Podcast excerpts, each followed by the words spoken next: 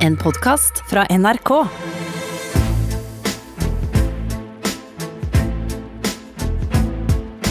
Trump mot verden med Gjermund Eriksen og Sean Henrik Matheson. Hei, alle sammen, og velkommen til Trump mot verden, eh, sommerepisode. Men dette er en ferskvareepisode som vi tar opp på en onsdag formiddag. For eh, jeg har innspilling av en TV-serie i skogen på fredag. Og det er fysisk umulig eh, å være to steder på en gang. Men nå har det skjedd så mye at vi er nødt til å ta for oss noe som har vært historiske begivenheter. Vi må snakke om Roger Stones benådning. Vi må ta for oss eh, høyesterettsdommene, som virkelig kan være avgjørende for alt som skal skje framover. Eh, og vi skal ta for oss et familiedrama. Eh, sånn skikkelig type dypt, hardt og vondt familiedrama. Og med oss i studio har vi fått Sofie Høgestøl, som kan juss. Det kan jeg. Mm, Velkommen. takk. Eh, og jeg har doktorgrad og er amanuensis på Universitetet i Oslo eh, med Institutt for menneskerettigheter. Sjørett faktisk nå, for de har finere kontorer.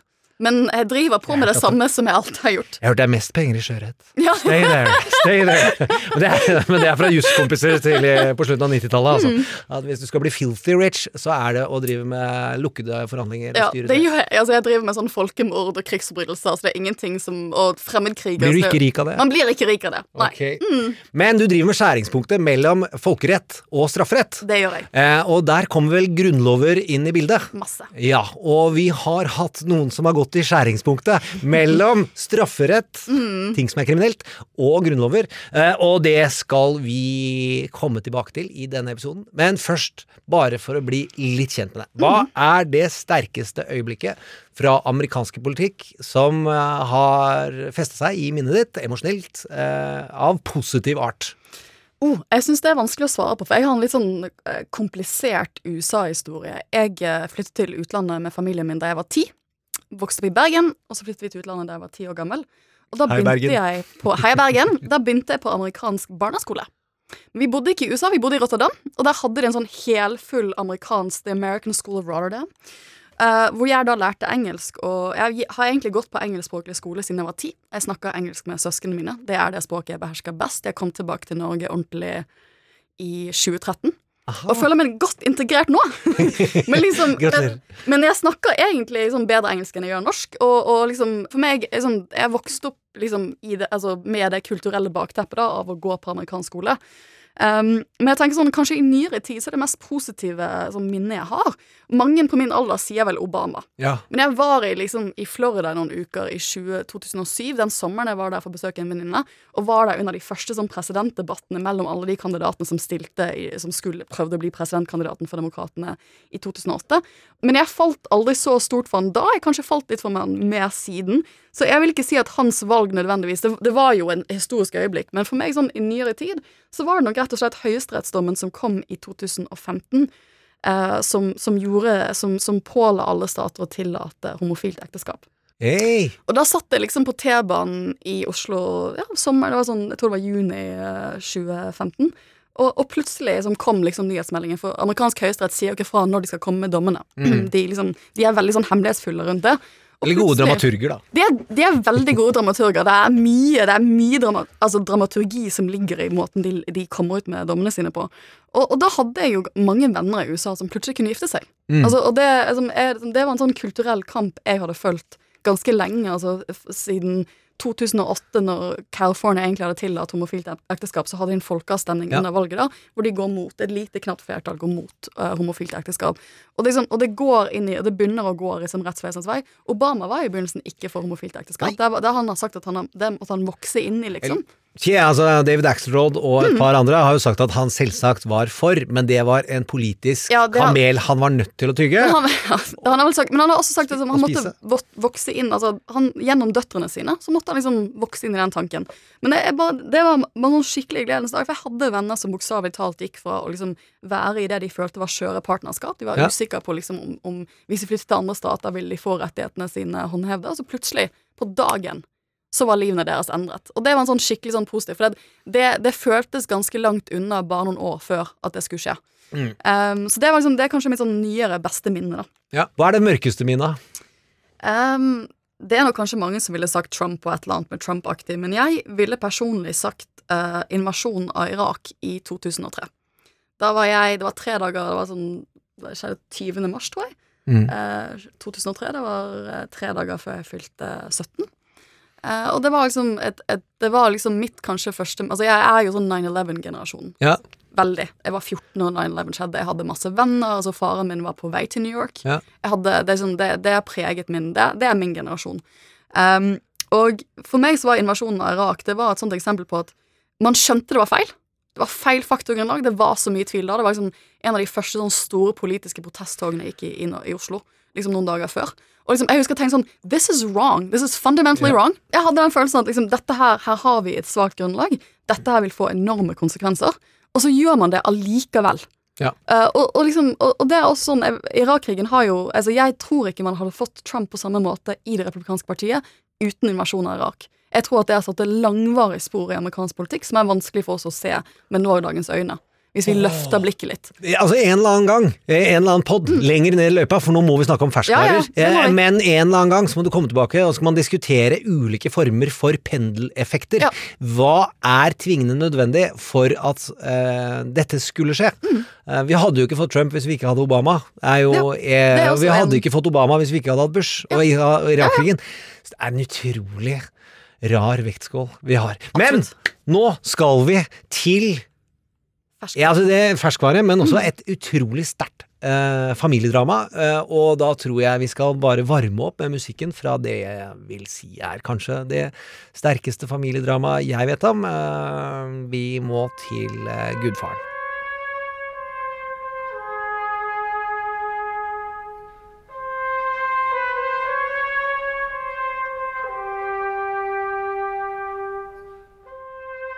Vi skal jo ikke Jeg kan gjøre det i litt større grad, for jeg er en litt fri kommentatorrolle, men la oss si at det er jo noen som mener at det fins et kriminelt innslag eller to i den familien som vi nå har fått beskrevet. Boka til eh, niesen til Trump kom ut tirsdag eh, denne uka. Og har, eh, det er lekket som en sil Oh, yes. i over eh, en uke. Eh, og det har vært rettslige kamper om den skulle få lov å legges lokk på. Og i går, på tirsdag, så vant også advokaten til eh, Mary L. Trump, PhD, PhD. doktorgrad i psykologi, Klinisk psykologi. klinisk psykologi, Oh, yes. Mm. vet hva hun skriver, og hun fikk lov til å gi et intervju til George Stephanopoulos. Og la oss bare varme opp med hvor George prøver å sette alt på spissen og spørre eh, følgende spørsmål, og hør på svaret hun gir. Boil it down. What's the single most important thing you think the country needs to know about your uncle? He's utterly incapable of leading this country. And it's dangerous to allow him to do so. Based on what you see now or what you saw then? Based on what I've seen my entire adult life. Ok, Sofie. Uh, hva har du bitt deg merke i ved denne boken? Altså, Jeg har ikke lest hele boken ferdig ennå, men, jeg jobber med saken.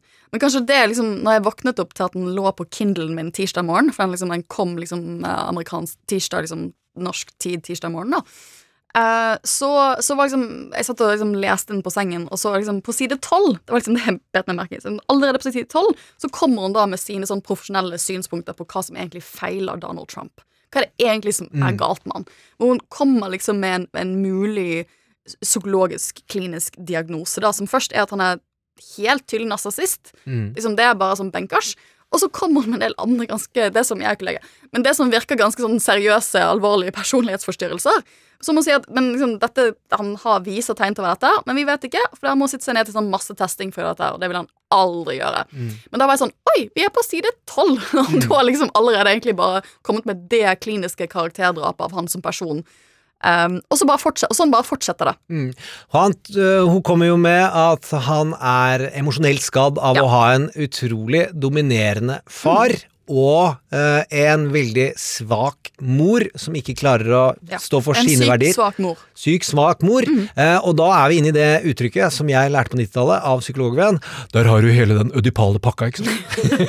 og en ødipal pakke, folkens, er bra for en dramatisk karakter, men du har ikke lyst på det i livet ditt. At du sliter med farsfigur og morsfigur. Eh, og den andre punktet som hun oppsummerer, er vel at han ikke har evne til å lære seg noe særlig.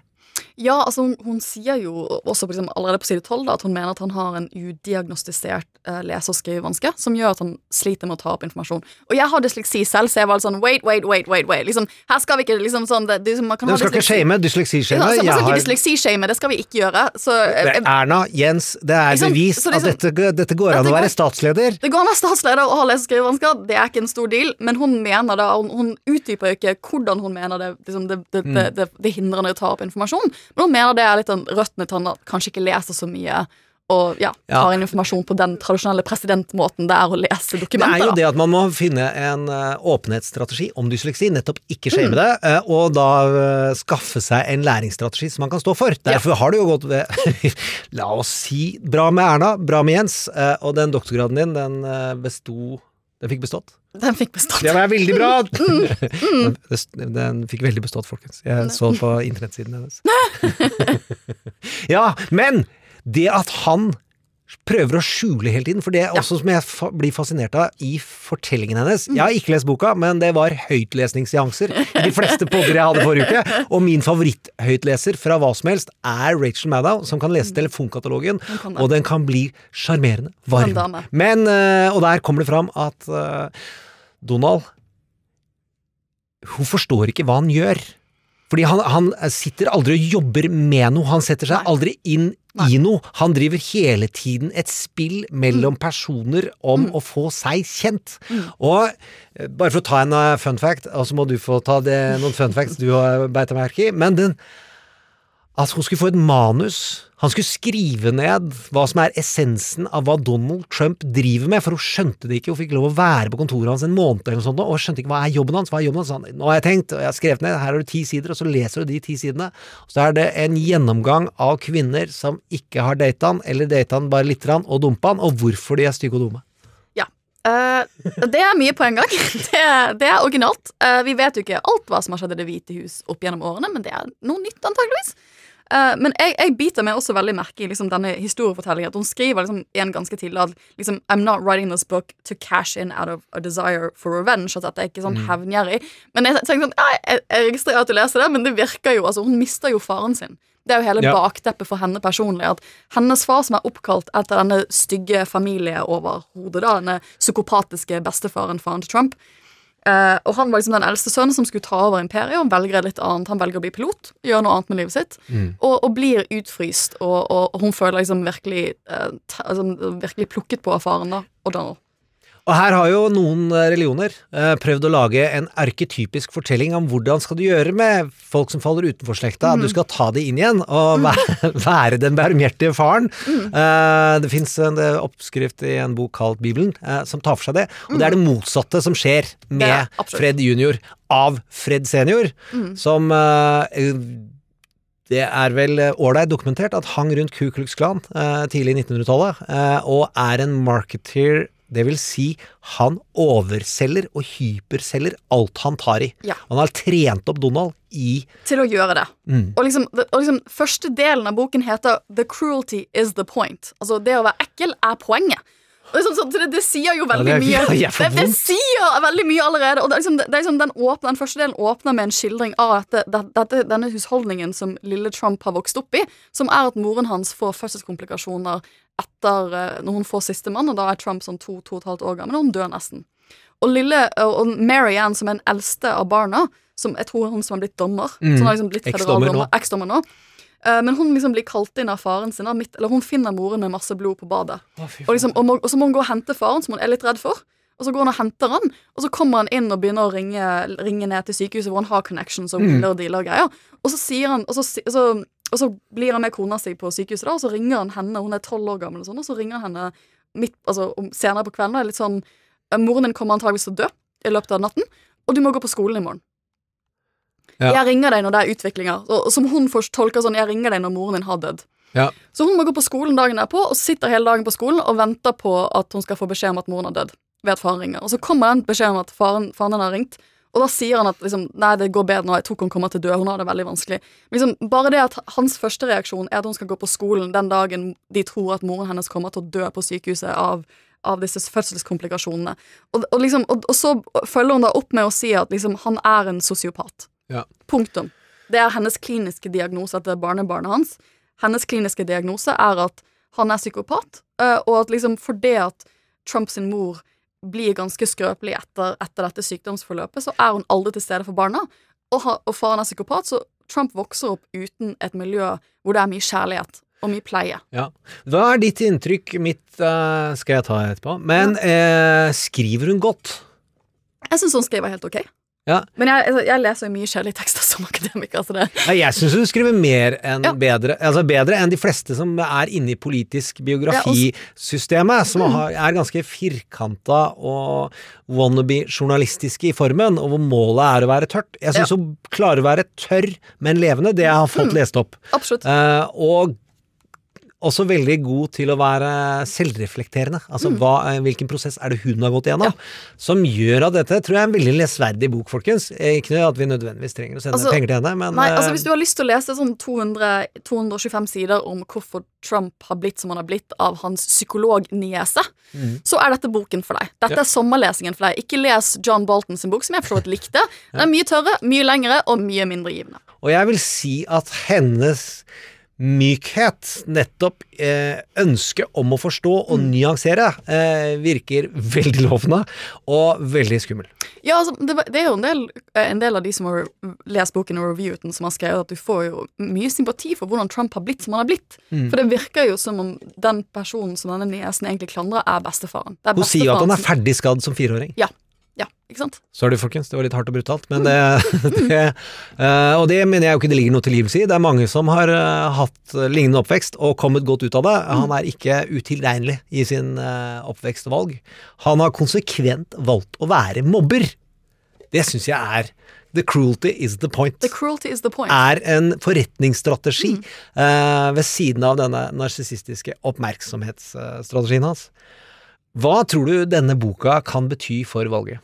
Altså, Jeg er nok enig med de som mener at dette flytter ikke nødvendigvis basen hans. De kommer ikke til å lese den boken, de er ikke interessert i det. Men jeg tror at for liksom type folk i The Lincoln Project Det er, liksom, det er ingen som skader deg som dine egne folk. Ikke sant? Dette er jo selvskading internt i, i samme parti.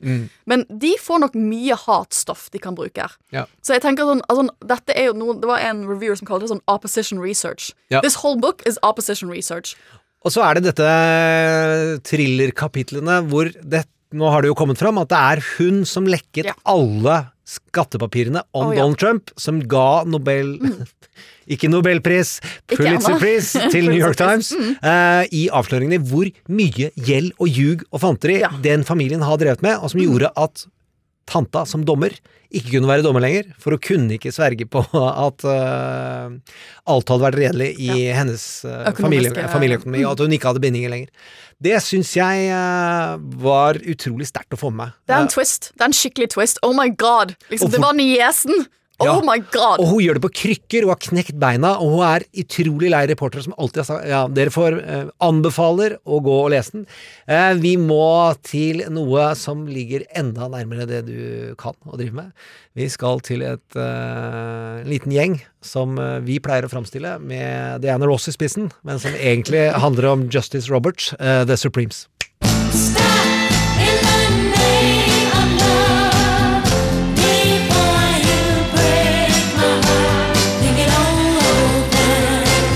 Ok, folkens. Det har vært Høyesteretts høysesong eh, i at man dumper ut de viktigste dommene til slutt. Det har man tydeligvis holdt på med veldig lenge, eh, denne typen dramaturgi.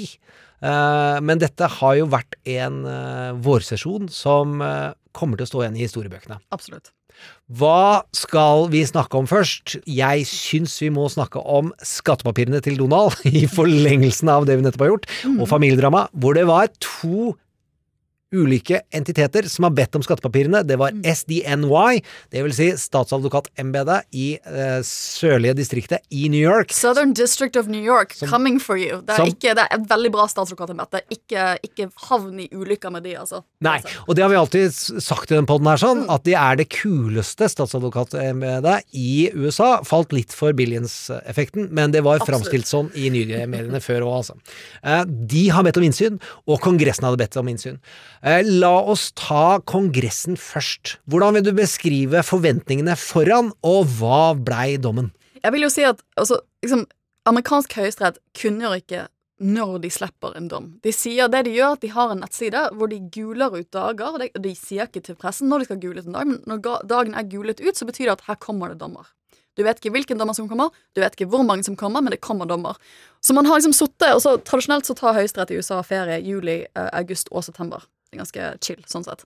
Eh, men i år så har de blitt tvunget til å Det er første gang på, altså på lenge lenge at de virkelig har blitt de tvunget til å gi ut dommer inn i juli. Men det visste vi jo ikke i juni, for de sa ikke at de kom til å gjøre det.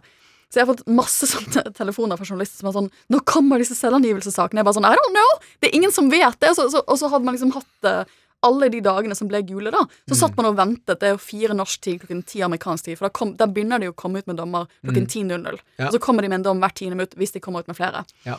Så liksom, jeg har liksom satt og fulgt dette føler jeg, sånn, i tre uker med masse sånne spørsmål om hva skjer, nå kommer det? Og så ble det jo klart etter hvert at det ble, liksom, det ble den siste dommen som kom. Ja. Uh, og, og, og det var jo interessant, for da var det mye spekulasjoner fra min side og fra mange andre.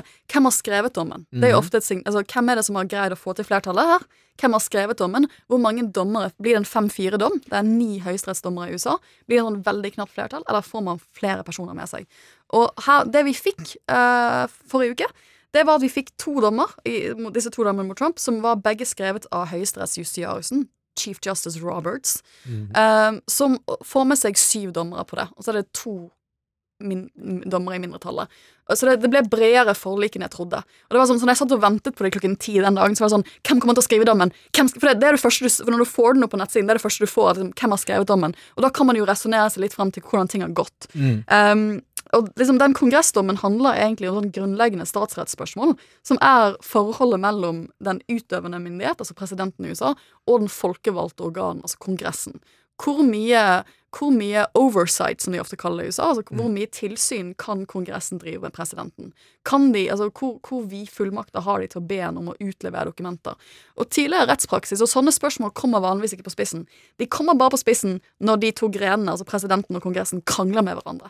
Og det gjør de ikke så ofte. Hva Er det det som kalles constitutional crisis, eller må Yes. det gå Ok, så det er en crisis når de krangler, for jeg har alltid lurt på hva er skjæringspunktet mellom konstitu... Altså Det er jo noen som bruker det kanskje litt mer liberalt enn andre gjør, men det er jo litt, altså, essensen i det er jo at de to grenene krangler. De, disse to likestilte grenene, for de skal være likestilte, krangler. Ja, men jeg trodde at eh, altså For meg så ville krise vært når det er uforløselig. Altså at nettopp Høyesterett må hoppe Ja. inn og avgjøre. Ja? De da er det crisis. Da er det crisis, for at, liksom, vanligvis, liksom, vanligvis så har jo presidentene vært på tilbudssiden med å levere ut dokumenter, og at altså, man samarbeider litt, da. Og det er sånn, inni mitt hode, tror jeg også det har kommet fram i West Wing-serien, som Ja. har noen kanongode høyesterettsepisoder. Det er fantastisk. og det er som, også veldig sånn på Det, det er sånn det skjer. Altså, det er, Ja. De er veldig accurate. er clerksene som skriver utkastene for dem. Og clerks de blir henta fra de som er veldig De er flinke i jus. dritflinke. De snakker jo sammen om hvor de har lyst til å gå, og sånne ting Og så Ja. skriver ofte clerksene ganske gode, lange utkast. Og så det jeg hørte, Jeg gikk på Georgetown Law School, som er liksom nede i liksom, Det er fem minutter, ti minutter å gå til US Supreme Court. Så liksom, vi, vi hadde jo mange av de på besøk. Jeg møtte Justice Scalia before he died. May his soul rest, altså, rest in peace. Han er veldig hyggelig, veldig han er veldig levende hyggelig. person. Han, han gikk på Georgetown, så han var der ganske ofte som en sånn alumni, da. Eh, men, eh, men, men liksom men, Og da snakker liksom hvordan de gjør det. Og det jeg har hørt internt, er at de sitter ofte og konkurrerer litt, også på bakrommet. At det er jo kanskje en person som skal skrive flertallsdommen, men så kommer de andre som Dette er mine veldig gode skrevet tekster med, tekster med kjempegode argumenter. Kan- Kanskje ikke vi burde ta den istedenfor. Så jeg har hørt at det er litt sånn det skjer på bakrommet. Ja. Og så var det eh, Før de prosederte, så var Jeg har følger stort sett Høyesterett gjennom Amicus-podkasten til, really, really til Slate, It's og so som good. Mm. har mange gjester fra de mer klassiske, rene høyesterettsbloggene. Scotus-blogg og slike ting. Skådesblogg er jo det jeg følger. Ja, det er, men der, og det er et hav av skille mellom da, hvor, hvor nøye vi følger disse tingene. Men i det I deres framstilling før de gikk og prosederte, så var det at Kongressen hadde en kjempegod sak.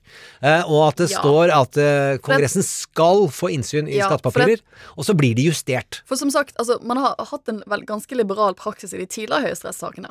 Eh, det har man. Hvis man skulle ligge seg på det, den praksisen der, så er det ganske liberale frie tøyler Kongressen har til å spørre om hva de vil, egentlig. Eh, men jeg skjønte han, liksom, Kongressen vinner i, i underinstansene. De Ja. vinner i, i domstolene før Høyesterett. Men så skjønte jeg at dette her Det var da jeg skjønte at dette her kommer ikke til å gå den veien jeg tror. Det var når noen uker før disse muntlige høringene så spurte Høyesterett om å få flere argumenter om dette egentlig bare var et politisk spørsmål. Ja.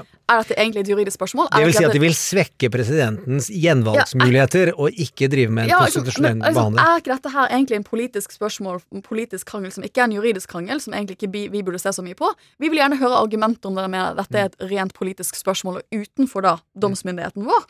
Og da var jeg litt sånn oh shit! Her, har de, her har de en litt annen innfallsvinkel i denne saken. Og så hørte jeg litt på de muntlige, muntlige seansene også, og der fikk kongressadvokaten, han som representerer Kongressen, fikk utrolig mange kritiske spørsmål fra mange av dommerne, ikke bare de sånn kjempekonservative, som gikk på er det ikke en nedre grense?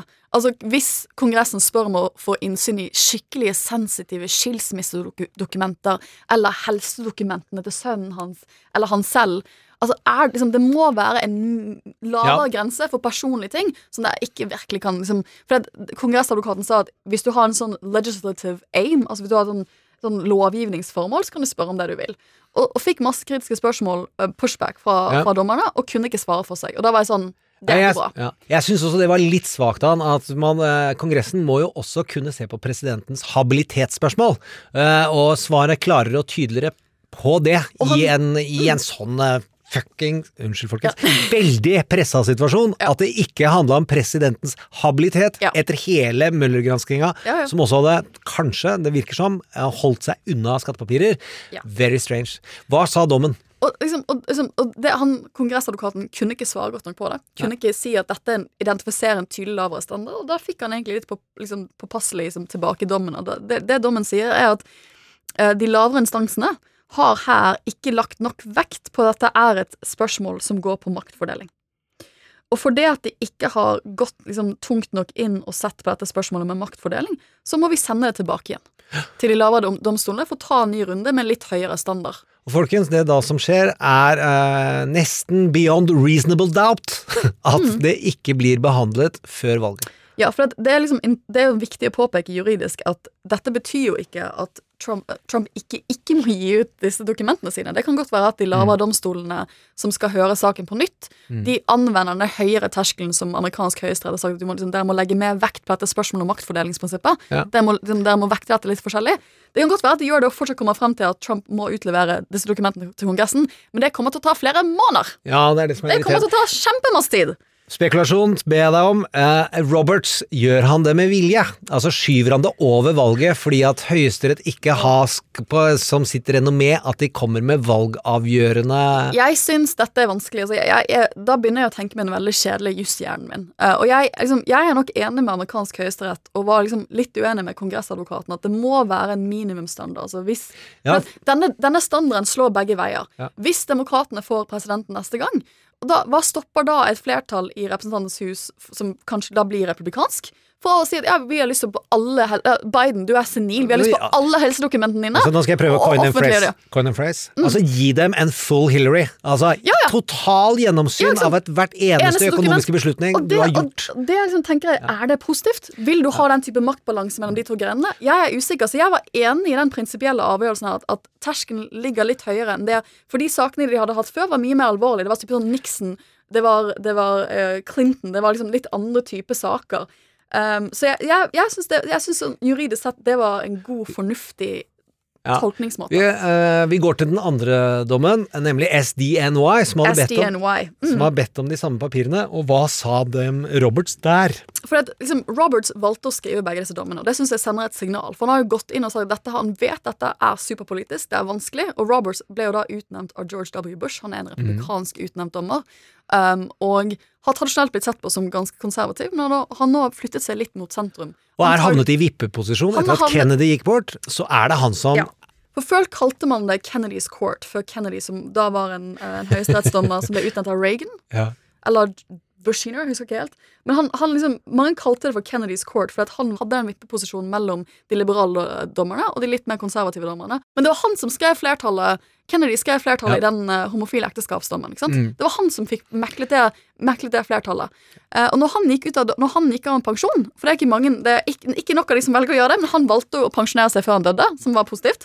Uh, og da fikk man jo inn Neil Gorsuch istedenfor. Folkens, det er ikke sånn at vi er uberørt av Ruth Bader Ginsburg nå er lagt inn på sykehus. Nei, som Sofie er- sendte meg, sendte meg melding om rett over tolv i natt, og jeg også lå eh, som gjorde at jeg faktisk ikke fikk sove. Valgte å ikke høre på amerikansk politisk podkast, men gikk for kosepodkast om TV-serier, som i Lulling, for jeg blei så nervøs. Men tilbake til at Kennedy Ja. eh, ville ha Gorsuch Ja, som sin etterfølger, Ja. så han er, var Så han- egentlig dypest sett konservativ, Ja, med han- liberale syn omkring. liberale syn- han gikk og liksom Neil Gorsuch kom inn, kom inn, og Trump fikk utnevne han. Men da, poenget er at nå har liksom, for det at Robert, som da er sjefen, han er høyesterettsjustitiør, så han er sjefen for amerikansk høyesterett, nå har han plutselig be- befinner han seg i den mellomposisjonen hvor han må mekle. Og hvis du ser på de dommene som blitt, Det er liksom 58 tror jeg dommer, sånn 50 et eller annet dommer som har blitt avgitt dette, denne semesteret her i amerikansk høyesterett. Han har vært med på flertallet sånn 97 av de. Ja. For Scotus blogg teller. Det, det er bloggen sine. De teller sånne ting. Så Ja. det, det viser at han mekler Han er flertallet i amerikansk høyesterett nå. Og det at han velger å gå inn og skrive disse dommene selv, det er- sender et sterkt signal, og så lurer han et større flertall av de konservative dommerne til å være med på det. Så jeg tror at denne lang, disse to dommerne har tatt lang tid, for han ville ha med seg et bredt flertall, sånn at det ikke ble sett på som så politisk. Jeg syns Altså, det Jeg er ikke hyperinteressert i finjus, men det Amicus er flink til, det er å fortelle og skape en forståelse for hvor personlig dette er. Ja. Og at uh, det rettssystemet i USA er opprettholdt av disse personlighetene, høyesterettsdommerne, og at det har så mye å si hvordan de posisjonerer seg, og hvordan de vil framstille seg. Og der kommer det fram to ting særlig med Roberts, og de er ikke bare Roberts klakører, for å si det, for å si det mildt. Det er utrolig irritert på et par ting, men han er en eh, institusjonalist. Han vil beskytte institusjonen fremfor alt annet. Og skape, altså sørge for renommeet til Høyesterett skal overleve. Hva annet, hvordan vil du kommentere det? Ja, Det tror jeg han har gjort i disse sakene, nettopp ved å skape et bredt flertall. Han har fått med seg de to konservative dommerne med på dette flertallet i begge sakene her, som Trump utnevnte.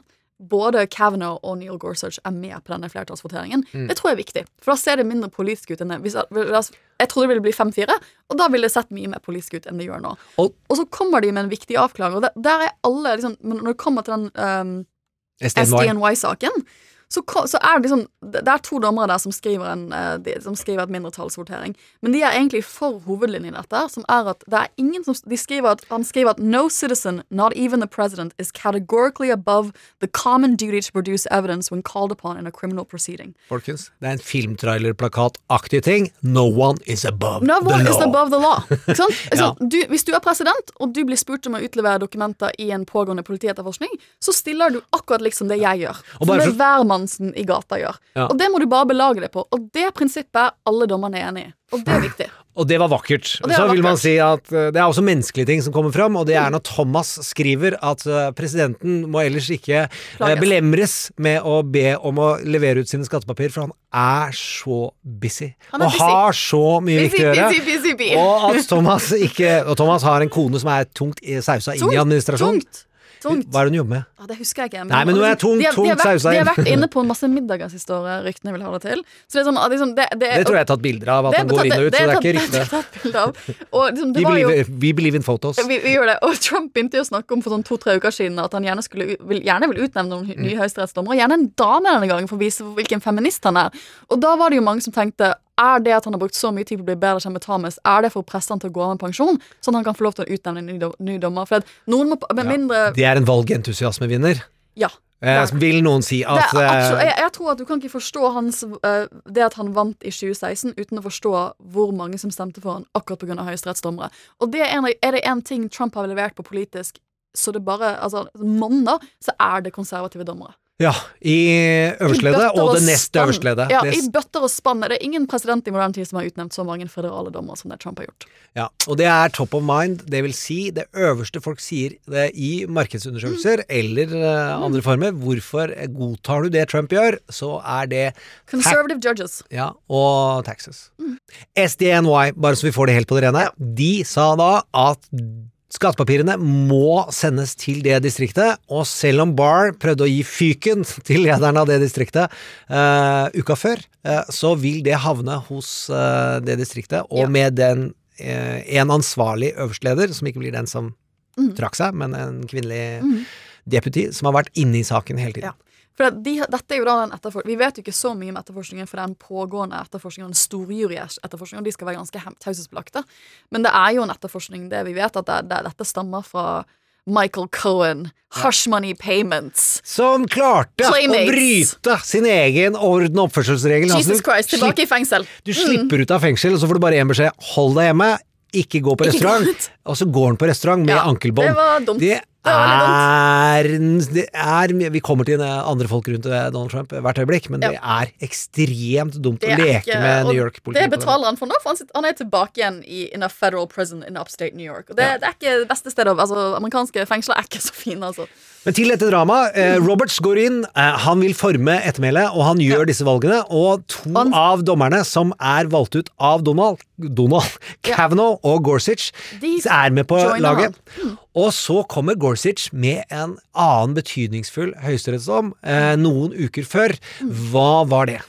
Han kommer ut med en høyesterettsdom i det som egentlig er en sånn arbeidsrettslig sak, hvor, eh, som, som samlesak, hvor det er en del folk som har blitt diskriminert på jobb, eller opplever at de har blitt diskriminert på jobb på bakgrunn av seksuell legning. En var homofile, og en av de andre var eh, transperson, eh, som opplever at de fikk sparken av det. Eh, og, og da, liksom, og Neil Gorsuch er jo sånn, jeg tenker på sånn, sånn steinkonservativ, utrolig stor jusshjerne, veldig sexy stor jusshjerne, sånn båndkonservativ. ja. liksom, jeg har lyst på hjernen hans, men liksom sånn, ut, liksom sånn altså, Han skriver så godt også, han, han skriver helt nydelig. Og han vel, liksom, når, jeg, liksom, igjen, når den dommen kom ut For jeg, jeg, vi, jeg Ja. satt jo og ventet på at denne skattesaken skulle komme ut, så jeg, jeg liksom, den, når den poppa opp, liksom, og så tenker jeg sånn, og så det første jeg ser sånn Neil Gorsuch har liksom skrevet The Majority. Mm. Og liksom, for du kan, de, de første, første sidene er sånn sammendrag. Og de liksom Og de, og de sier at, at du ikke kan diskriminere sånn på jobb. OMG! Hva har skjedd her? Og så drar han linjene tilbake til the civil rights. Ja, altså, for det, det, det, er det egentlig Det, det søksmålet var, var på bakgrunn av, var sånn The Civil Rights Act of, of 1967, som er sånn diskrim, diskrimineringsvernsloven på federalt nivå i USA. Den som hindrer deg fra å bli diskriminert på jobb på bakgrunn av kjønn, sex and race. Liksom, en del sånne kategorier, men ikke på bakgrunn av legning. Den ble jo skrevet på 60-tallet, så det var mye før man, man tenkte på det. Og man har ikke oppdatert det regelverket. Og da, det, det Neil Gorsuch gjør som jeg synes er så nydelig, er at han, tolker, han gjør en gammeldags god lovtolkning. Han sier hvordan skal vi tolke ordet kjønn i denne loven? Og da sier han at vi må egentlig tolke ordet kjønn som å si at hvis du er jente og har jentekjæreste, og du blir diskriminert på jobb på bakgrunn av det, så er det faktisk diskriminering- på bakgrunn av kjønn. For det, og det er et stort brudd med de to skolene i amerikansk høyesterett. Og hva heter det? Er det originalist The eller textualist? Ja, Ja. liksom, liksom, det, det, du, noen kaller seg textual, altså liksom, Ja. the originalists. Ja. Og Nettopp at du skal ta alle lovene bokstavelig, og ikke tolke det inn i din Ja, tid. så det er en mer dynamisk tolkning, det man vil kalle en mer dynamisk tolkning. For han sier jo, han skriver sånn, De første to sidene av dommen vet han alle kommer til å lese, de er nydelig skrevet. Og han sier jo liksom, liksom rett frem at dette er kanskje, kanskje ikke sånn vi hadde tolket skjønn på 1960-tallet. Når vi tenkte på disse lovene. Ja. Men vi må nesten tolke det sånn i dag. Og det, og det har jo enormt mye å si, for det betyr at transpersoner i USA, og skeive, kan gå inn på jobb og si at du kan ikke diskriminere meg på jobb for å være skeiv eller transperson på bakgrunn av kjønn. Det står i denne loven, og sånn er det bare.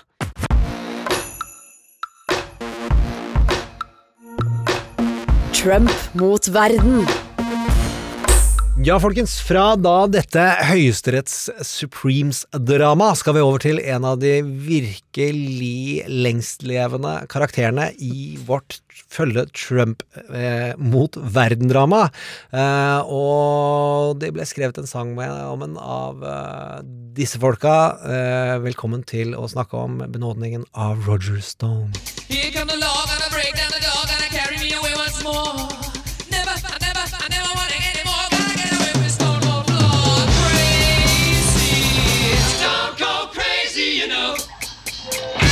her, nå poseres det i studio, folkens, hvor ha, Sofie gjør Nixon-poseringa, nemlig to V-er, I'm not a crook. Det gjør Roger Stone hver gang han kommer ut. Eh, Av en bygning, liksom. ut av en bygning, eller på vei inn i en bygning, med en T-skjorte med et gjøkete budskap om at uh, han er uskyldig. Så Så dagen er lang. Ok. Roger Stone ble benådet forrige fredag. Det ble han. Og det var forventet på mange måter. Eller jeg trodde det ville komme nærmere tirsdag, for tirsdag denne uken da, så skulle han eh, egentlig i fengsel. Mm. Da hadde dommeren sagt at du får ikke noe mer, blir ikke noe mer frem og tilbake nå. Du har blitt dømt, funnet skyldig, du har fått 40 måneder i fengsel, og nå er det ikke mer trenering. Du må i fengsel neste uke. Teknisk sett så er Chop, chop. Ja, chop, chop. Og så er det ikke en ren benådning, det er It's a commutation. Så det betyr at det er, det er, liksom, det er selve, so, altså selve mm, straffeutmålingen som blir opphevet. Det er, ikke, det er ikke det at han er dømt for disse handlingene, men det er det at han, den fengselsstraffen han har fått, den er borte nå. Ok, han ble benådet, og hvis vi skal friske opp eh, i hva slags kriminalitet er det han ble benådet for? Han ble jo benådet for egentlig sånn Han ble vel dømt for sånn seven counts of um, eh, Altså syv straffbare handlinger, hvorav fem av de var at han hadde løyet til, eh, til politiet. En, en pågående etterforskning som da er Muller-etterforskningen, selvfølgelig. Og to av de, en av de var vel sånn type sånn uh, hi- Altså han hindret Kongressen i deres arbeid. Og trua vitner. Og trua, med, det er også liksom det, Og trua bikkja til vitner. Det er liksom, mm, det er liksom Vitnetruing er Det er ikke, det kan ikke, jeg kan ikke Det er liksom Jeg har doktorgrad i strafferett. Jeg føler at det er ikke noe man burde gjøre på fritiden. Det, da, det er ofte ikke en grei ting å ha gjort. Ja, Det Um, tas ekstremt alvorlig av politiet også i Norge. Ja, ja, det gjør det. Eh, ja, absolutt. Uh, og liksom, særlig i Man kaller disse formene for forbrytelser ofte procedural crimes i USA. At du forbryter deg mot straffeprosessen. Ja. At for at vi skal ha et, et, et ordentlig fungerende straffevesen, så må folk faktisk snakke sant når de snakker med politiet, og de må samarbeide. Hvis ikke har vi et ikke fungerende straffe... Og da, Derfor har man i Ja. USA kanskje litt høyere eh, straffer for den type forbrytelser som dette her. Ja. Eh, hvis vi bare skal raskt friske opp, eh, hva er det Roger, hvilken rolle har Roger Stone hatt i det hele? Skal jeg kjapt gå gjennom livet hans? Han er født Vi tar ikke det. Men han var en skikkelig assistent i Nixon-kampanjen. Var en rabagast av en politisk operativ på 80-tallet. Eh, jobba, i, jobba i det republikanske partiet under Reagan, men kom inn i en sexskandale. Som ikke noe galt med det han gjorde der, men eh, på 80-tallet så burde du ikke være republikaner og si at du var swinger.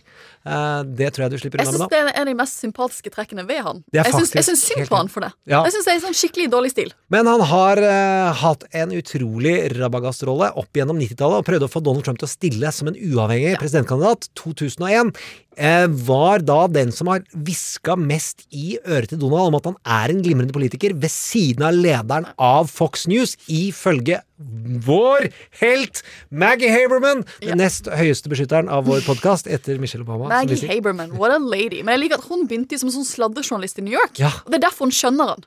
Hun har har- sittet hun har, hun har skjønt han for det perspektivet. Mm. og, og sett han sladre på veien ut og inn av rettssalen hele livet. Og så går hun inn i sånn Og så er hun nå liksom en av de tyngste politiske journalistene i USA fordi at hun har den sladderbakgrunnen som veldig, an, veldig få andre har i New York Times, liksom. Og den delen av diagnosen som uh, ikke kommer fram i den boka, er hvorfor er Donald så utrolig avhengig av å bli sett av henne? Men det får vi ikke gått på. Det er mye på en gang. Det Ja, skulle jeg gjerne visst, altså. Ja, men det er noe med at anstendighet er attraktivt, eh, også for skurker, tror jeg. Eh, og så kommer Roger Stone, og han maser om at han skal stille i 2012. eh, og ønsker at Donald skal stille da også. Og så får han mast om og lager rett og slett plattformen sammen med Donald. Kom deg ned den rulletrappa.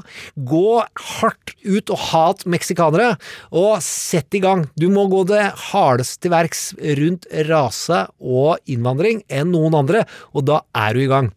Og så la, mener jeg, og veldig mange andre som følger det ganske mye mer nøye, at det var et avtalt spill at Roger Stone skulle få liksom-sparken av Donald, så han kan ha en fri rolle og gjøre ting som ikke kan hefte ved Donald-kampanjen. Det var iallfall det han sa i den eh, Netflix-dokumentaren om han at liksom Ja, ja, jeg ble, jeg ble sparket, men Ja. liksom, det var ikke egentlig sånn Det var spill for galleriet, liksom. Ja, men det, det- Maggie også er av den oppfatningen, så Roger kan man jo al- alltid Man andre kilder på. liksom, det er alltid vanskelig å vite med han.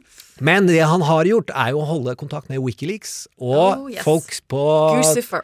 Glucifer, som Ja. er en russisk GRU-agent. Det er det han blir uh, etterforska for. Ja. og da snakker vi om han som har sørget for at alle e-postene til den øverste kampanjemedarbeideren til Hillary havner ut, og På jækla mye verst dårlig tidspunkt. Ekstremt godt tima, det skal dem ha!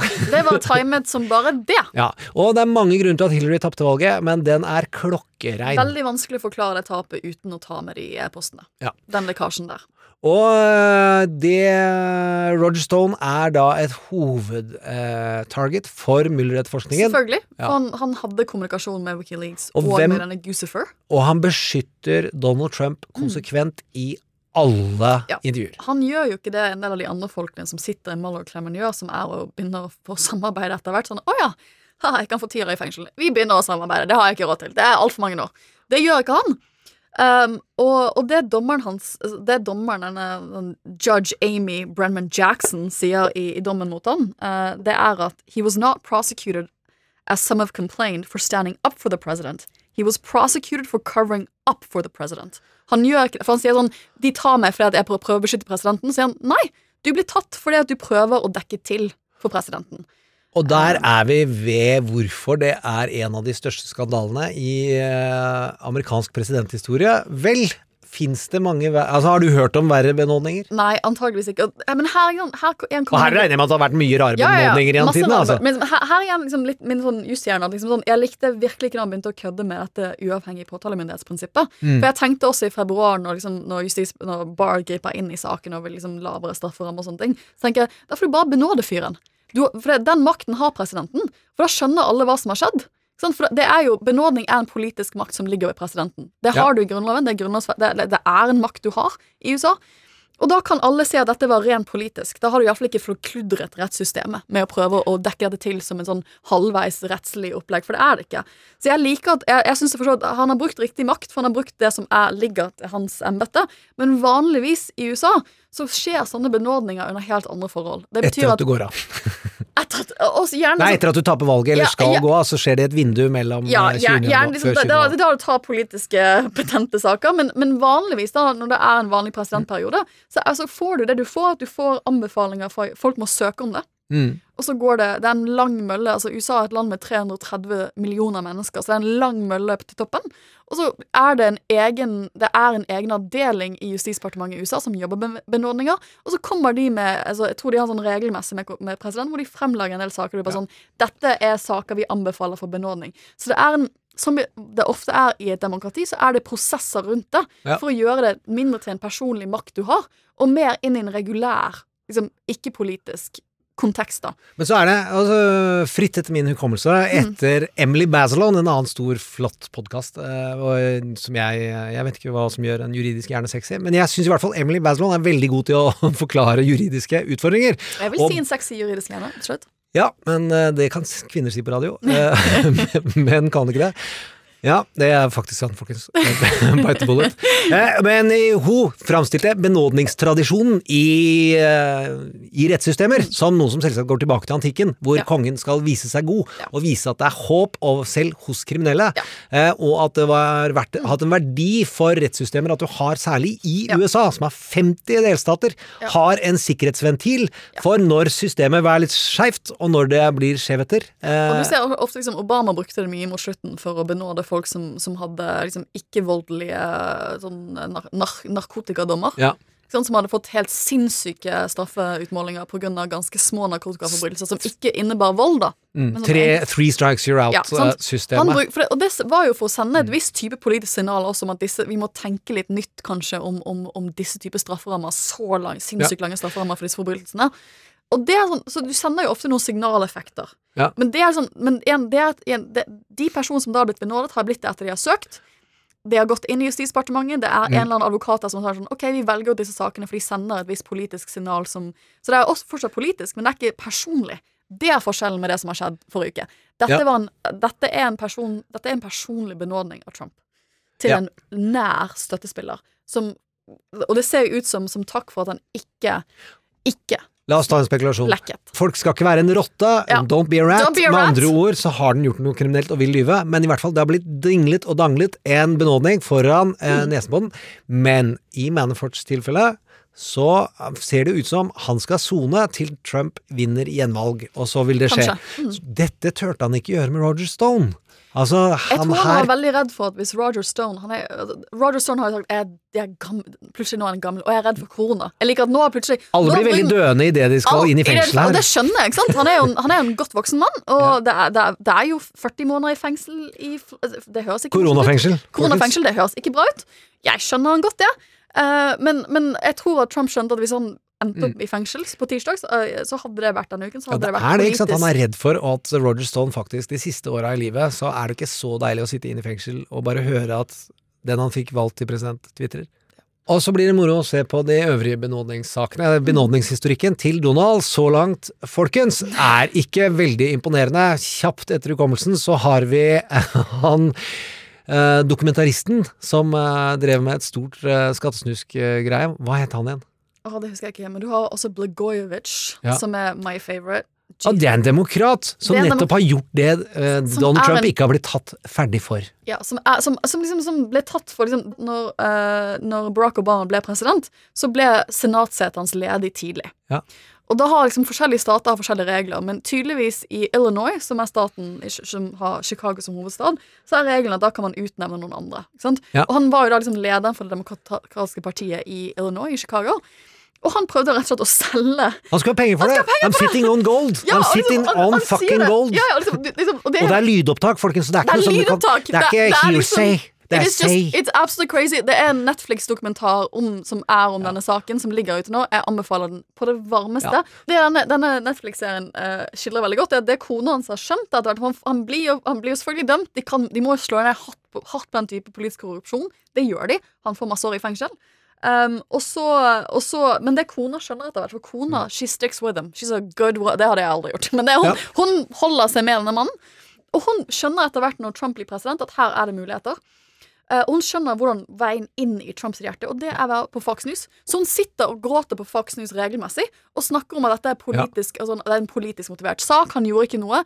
Og, og, han, og, og Trump til slutt liksom benåder han, og nå er han, sånn, nå er han en Trump-tilhenger. Ja, men det er også noe hennes Altså konas forståelse av Trumps behov Hun- for speil. ja. At hun skaper det mennesket som Donald Ja. Trump da tror han syns synd på. Rob, men det Donald syns synd på, er seg selv. Og det er liksom, og så, øh, hun, hun er et politisk geni sånn sett, for hun, har- hun skjønte hva hun måtte gjøre for å få ektemannen ut av Og fengsel, kan og det funket. Det å få folk ut av fengsel skal alle få lov til å prøve på, på alle med heldigvis. Det gjelder jo også advokater. Nå må vi dra én linje, nemlig dette familiedramaet. Uh, som vi starta med. Boka hennes. uh, og disse høyesterettsdommene som kommer til å handle om Donalds personlige økonomi og atferd, som vi kanskje får ut før valget, og da kan det ha avgjørende å si. Roger Stone er også et en karakter som hold, er en del av Donalds personlighet og selvbilde. Han henger jo med denne typen folk hele livet. Han er en mentor. Vil, Stone er en mentor for Trump. Er, hva vil bite Donald Trump i ræva før november, tror du? jeg tror det er koronakrisen. Og derfor må vi snakke om koronakrisen.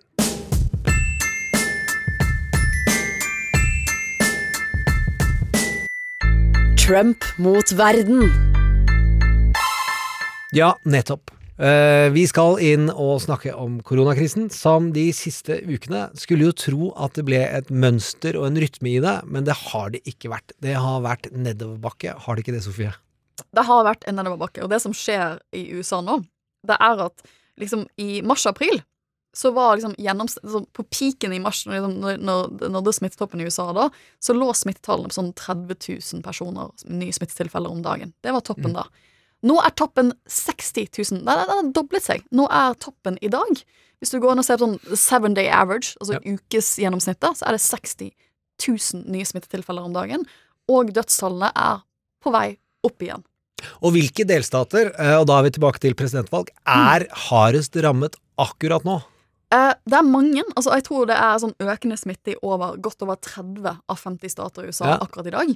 Eh, men det er to som er litt krise for Trump, og det er Florida og Texas. Jesus. er helt spinnvilt at nå var det Harry Enton, som jeg har utrolig stor tillit til når det handler om uh, valgmålinger. Jeg syns han er en fascinerende fyr.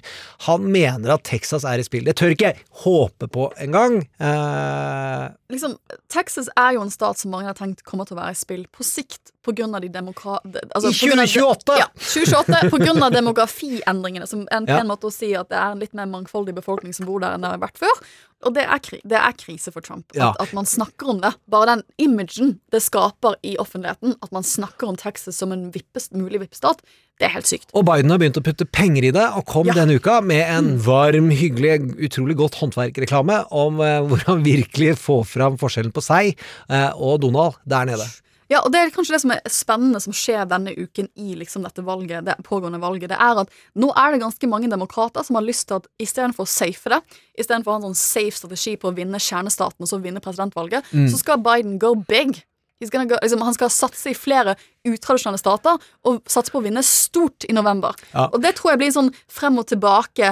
Burde han, burde han gjøre det? Burde han safe å vinne? Åh, folkens, da må vi ta og gå inn i West Wing-serien Oh, yes. siste sesongen. Oh, yes. skal, vi skal ikke si hvordan det går, men det er én strateg som sa at det kjedelige er at jeg kan sørge for at du vinner i morgen, Ja. men go big, så kan du vinne større enn Reagan, som vant i utrolig Yes. stort. Jeg husker i hvert fall ikke tallet, men vant Helt sinnssykt. Og, det er, og det, den, akkurat den samtalen er jeg villig til å vedde ganske mye penger på at Biden har med sitt team nå. Sofie, oh. fordi at jeg er eh, slik at eh, digresjoner er eh, dessverre en av mine måter å tenke på. Vi må komme tilbake til Mm. Både Florida og eh, Høyesterett. Og alt dette vil skje i løpet av høsten. Tusen takk for at du stakk innom. Eh, hvem vinner eh, valget i november? Akkurat nå leder Biden. Så får vi se. Og dette har vi tenkt gjennom altså kommentatorrollen, om hvordan man sier uh, ut fra hvordan det ligger an nå. Men alle vet at ting har endret seg på fire måneder totalt med korona. Og jeg tror alle som tror at det ikke kan skje ting neste fire måneder som snur opp ned på ting, har ikke levd de siste fire månedene. Altså, Hva er de to tingene ja, altså, jeg, For jeg har det inni hodet mitt. Hva er de to tingene vi ikke har opplevd i Trumps presidentskap? Det er at en høyesterettsdommer dør, og at det blir en stor krig! Ja, folkens, putt det inn i sommeren din. La oss banke i bordet for at Ruth eh, lever, og at det ikke blir krig, uansett hvem som vinner. ja.